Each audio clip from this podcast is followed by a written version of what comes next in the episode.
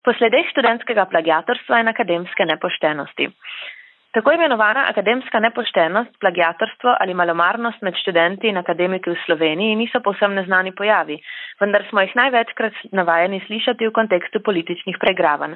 V bližnji preteklosti so suma plagiatorstva med drugim bili obtoženi bivša predsednica vlade Alenka Bratušek, nekdani mariborski župan Franz Kangler ter nekaj poslancev iz vrst Desusa, SDS-a in pozitivne Slovenije. V takšnih primerjih je bilo plagiatorstvo uporabljeno predvsem kot orožje proti političnim nasprotnikom, kar je vedno uspelo razgreti medijsko sfero, javnost pa se predvsej bolj poredko vpraša, kakšne posledice imajo takšni dogadljaji znotraj akademskih krogov. Naj se gre za študentsko plagiatorstvo, kot v primeru omenjenih politikov, ali nepoštenost akademikov. Čeprav so navedeni primeri plagiatorstva med politiki pripomogli k vidnosti problematike to vrstne nepoštenosti, se javne razprave niso v veliki meri dotaknile vzrokov in posledic to vrstnega početja. V tem komentarju zato želim izpostaviti plati zgodbe, ki jih v slovenski javnosti slišimo bolj poredko. Začenši s študentskim plagiatorstvom, pogosto v obliki copy-pastanja in na to z pogledom v akademsko nepoštenost na nivoju bolj ali manj uveljavljenih akademikov. Začnimo torej s problematiko plagiatorstva med študenti.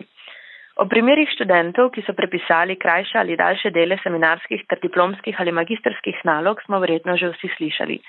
Taki primeri pridejo na dan, ko izvirni avtori zaradi pomankanja institucionalnih ureditev znotraj univerz ostanejo prepuščeni sami sebi, brez možnosti pritožbe. Tako jim preostane le, da vložijo zasebno tožbo proti plagiatorju na podlagi zakonodaje o intelektualni lastnini. Prav tako je očitno zapoznelo postopanje v povezavi s plagiatorji. Na Ljubljanski univerzi so šele pred nekaj leti opredelili, opredelili postopek, ki omogoča dozem diplome, magisterija ali doktorata v primeru plagiatorstva. Predtem se je včasih celo primerilo, da je diplomant plagiator ostal nekaznovan. Na nekaterih tujih univerzah lahko pride do, suspenzi, do suspenzije študenta, ki krši pravilnike o pravilnem navajanju virov že med samim študijem, kar je za slovenske razmere verjetno precej nerazumljivo, saj vendar le študent. Ampak prav v tem je problem. V grobem lahko razlikujemo med dvema vrstama plagiatorstva. Primeri, ko študent dejansko prepiše večje dele nekega drugega dela, ter primeri, ko študent nepravilno navaja vire oziroma delno opusti navajanje leteh. V prvem primeru gre verjetno za lenobo, v drugem pa za malomarnost, v vsakem primeru pa za nespoštovanje akademskih standardov pisanja. Veliko krat se vprašam, odkot to nespoštovanje prihaja. Po eni strani imajo s tem verjetno praviti študijski programi, ki ne v zadostni meri povdarjajo, da so študentska dela, naj se gre za 500 besedni kratek esej ali diplomsko nalogo, akademska besedila, ki morajo slediti določenim standardom. Po drugi strani se mnogi študenti verjetno požvižgajo na akademskost svojega študija in študijskih obveznosti, saj so študij že začeli tako rekoč samo zato, da dobijo tisti papir ob koncu študija ali pa se zdijo naloge, ki jih od študentov zahteva mentor, tako dolgočasne ali neuporabne, da za nje ni vredno izgubljati časa. Žal se to pogosto konča ne le z akademsko, ampak tudi povsem lajčno funkcionalno nepismenostjo diplomantov. Problem je seveda tudi na strani mentorjev, saj ti igrajo pomembno vlogo pri prepoznavanju plagiatorstva. Bolj izkušeni akademski kolegi radi povedo, da so plagiati ponavadi očitni, saj odstopajo od, sicer, od siceršnjega načina pisanja študenta. Problem, problem torej nastane, ko mentori nimajo dovolj časa za kvalitetno pregledovanje študentskih besedil.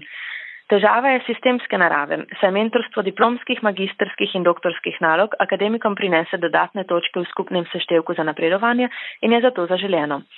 Zato bi bilo potrebno, v primerih, kjer to že ni bilo storjeno, uvesti omejitev števila diplomskih, magistrskih ali doktorskih kandidatov na mentorja.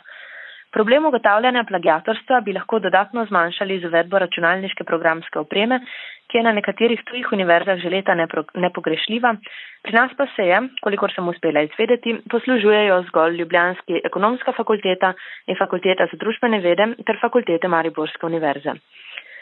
Prav tako kot študentsko pa sta pomembna tudi akademsko plagiatorstvo ter akademska nepoštenost, ki se pojavlja v raznovrstnih oblikah. Slovenska javnost temu ne namenja prav veliko pozornosti, pa vendar je pomembno izpostaviti, da akademiki zastopajo tako imenovano intelektualno elito in da bi torej primerom akademske nepoštenosti morali nameniti več pozornosti. Naj za primer vzamemo sum akademske nepoštenosti redne profesorice Karmen Rjavec, zdaj nekdanje predstojnice novinarske katedre na Ljubljanski fakulteti za družbene vede. Gre za strokovnjakinjo, ki je svoja dela objavila v številnih uglednih revijah ter bila med prejemniki nagrade za znanstveno odličnost. vendar pa je njena uspešna in strma akademska pot zbudila sume o nepoštenosti. Na dan je prišlo, da je enega svojih znanstvenih člankov v preteklih letih objavila v dveh revijah, zaradi česar je bil v eni od revij članek naknadno umaknjen. Letošnjega januarja se je pojavil nov sum in izkazalo se je, da si je Rjavčeva med drugim preprosto povedano vsaj za enega svojih člankov izmislila podatke, trdila pa, da je opravila številne intervjuje, med katerimi je pridobila navedene podatke. To se zdi naravnost naivno, saj je šlo za raziskavo, ki naj bi bila upravljena v slovenskem kontekstu. Časnik delo navaja, da je Rjavčeva med drugim zapisala, da je intervju izvedla tudi z odgovornim urednikom omenjenega časnika, pa se to v resnici ni zgodilo. Za zdaj v javnosti še ni znano, katere objave bodo obravnavane kot sumljive. Profesorica je ob razkritju akademske nepoštenosti prosila za sporazumno prekinitev delovnega razmerja in se javno opravičila vsem, ki so bili zaradi neljubega dogodka prizadeti. Takšno opravičilo je vsekakor spoštovanja vredno, pa vendar se človek vpraša, kako to, da na posledice ni pomislila že prej in kaj jo je gnalo takšno početje. Akademski plagiatori ali nepoštenjaki se od mnogih študentskih razlikujejo v tem, da dobro poznajo pravila igre, ki jo igrajo. V primeru izmišljenih podatkov bi težko govorili o lenobi ali malomarnosti. S tem mečejo slabo luč na univerzo, ki jih zaposlujem, ter na celotno akademsko skupnost in izgubljajo kredibilnost tako kot raziskovalci, kot tudi kot pedagogi, ki naj bi, mlajšim, ki naj bi se mlajšim generacijam trudili pri vzgojiti čut za poštenost in pravičnost. Je pa zadeva, podobno kot študentsko plagiatorstvo, tudi sistemske narave.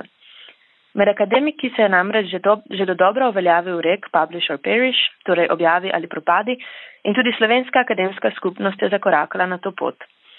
SIKRIS, sistem, ki beleži objave, citiranost in sredstva pridobljena izven javne agencije za raziskovalno dejavnost Republike Slovenije, namreč pridno šteje in preračunava, kako visoko na lestvici se je nek slovenski raziskovalec znašel.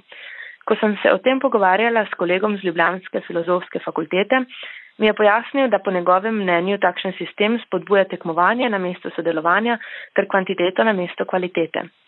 Kvaliteta naj bi se sicer merila s citiranostjo, vendar se lahko s kolegi tudi dogovoriš za vzajemno citiranje, kar je med raziskovalci če dalje pogostejši pojav.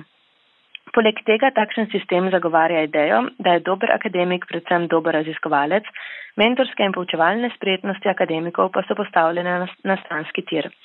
Kar zgodbo ponovno pripelje do vloge, ki naj bi jo zreli akademiki odigrali pri akademski vzgoji študentov, ter predpostavke, da bodo že uveljavljeni akademiki zgled tistim, ki so se na študijsko ali akademsko, ali akademsko pot komaj dobro podali. Zakaj je vse to pomembno? Zato, ker študentsko plagiatorstvo in akademska nepoštenost ne le spodbijata ugleda in integritete posameznikov, ki se takšnih tehnik za uspeh poslužujejo, temveč kvarita tudi ugled akademskih ustanov, kjer naj bi rasle nove generacije kritičnih umov z občutkom za poštenost ter željo po ustvarjanju novih, svežih znanj. Ali pač. Komentar sem pripravila, Meta Grup.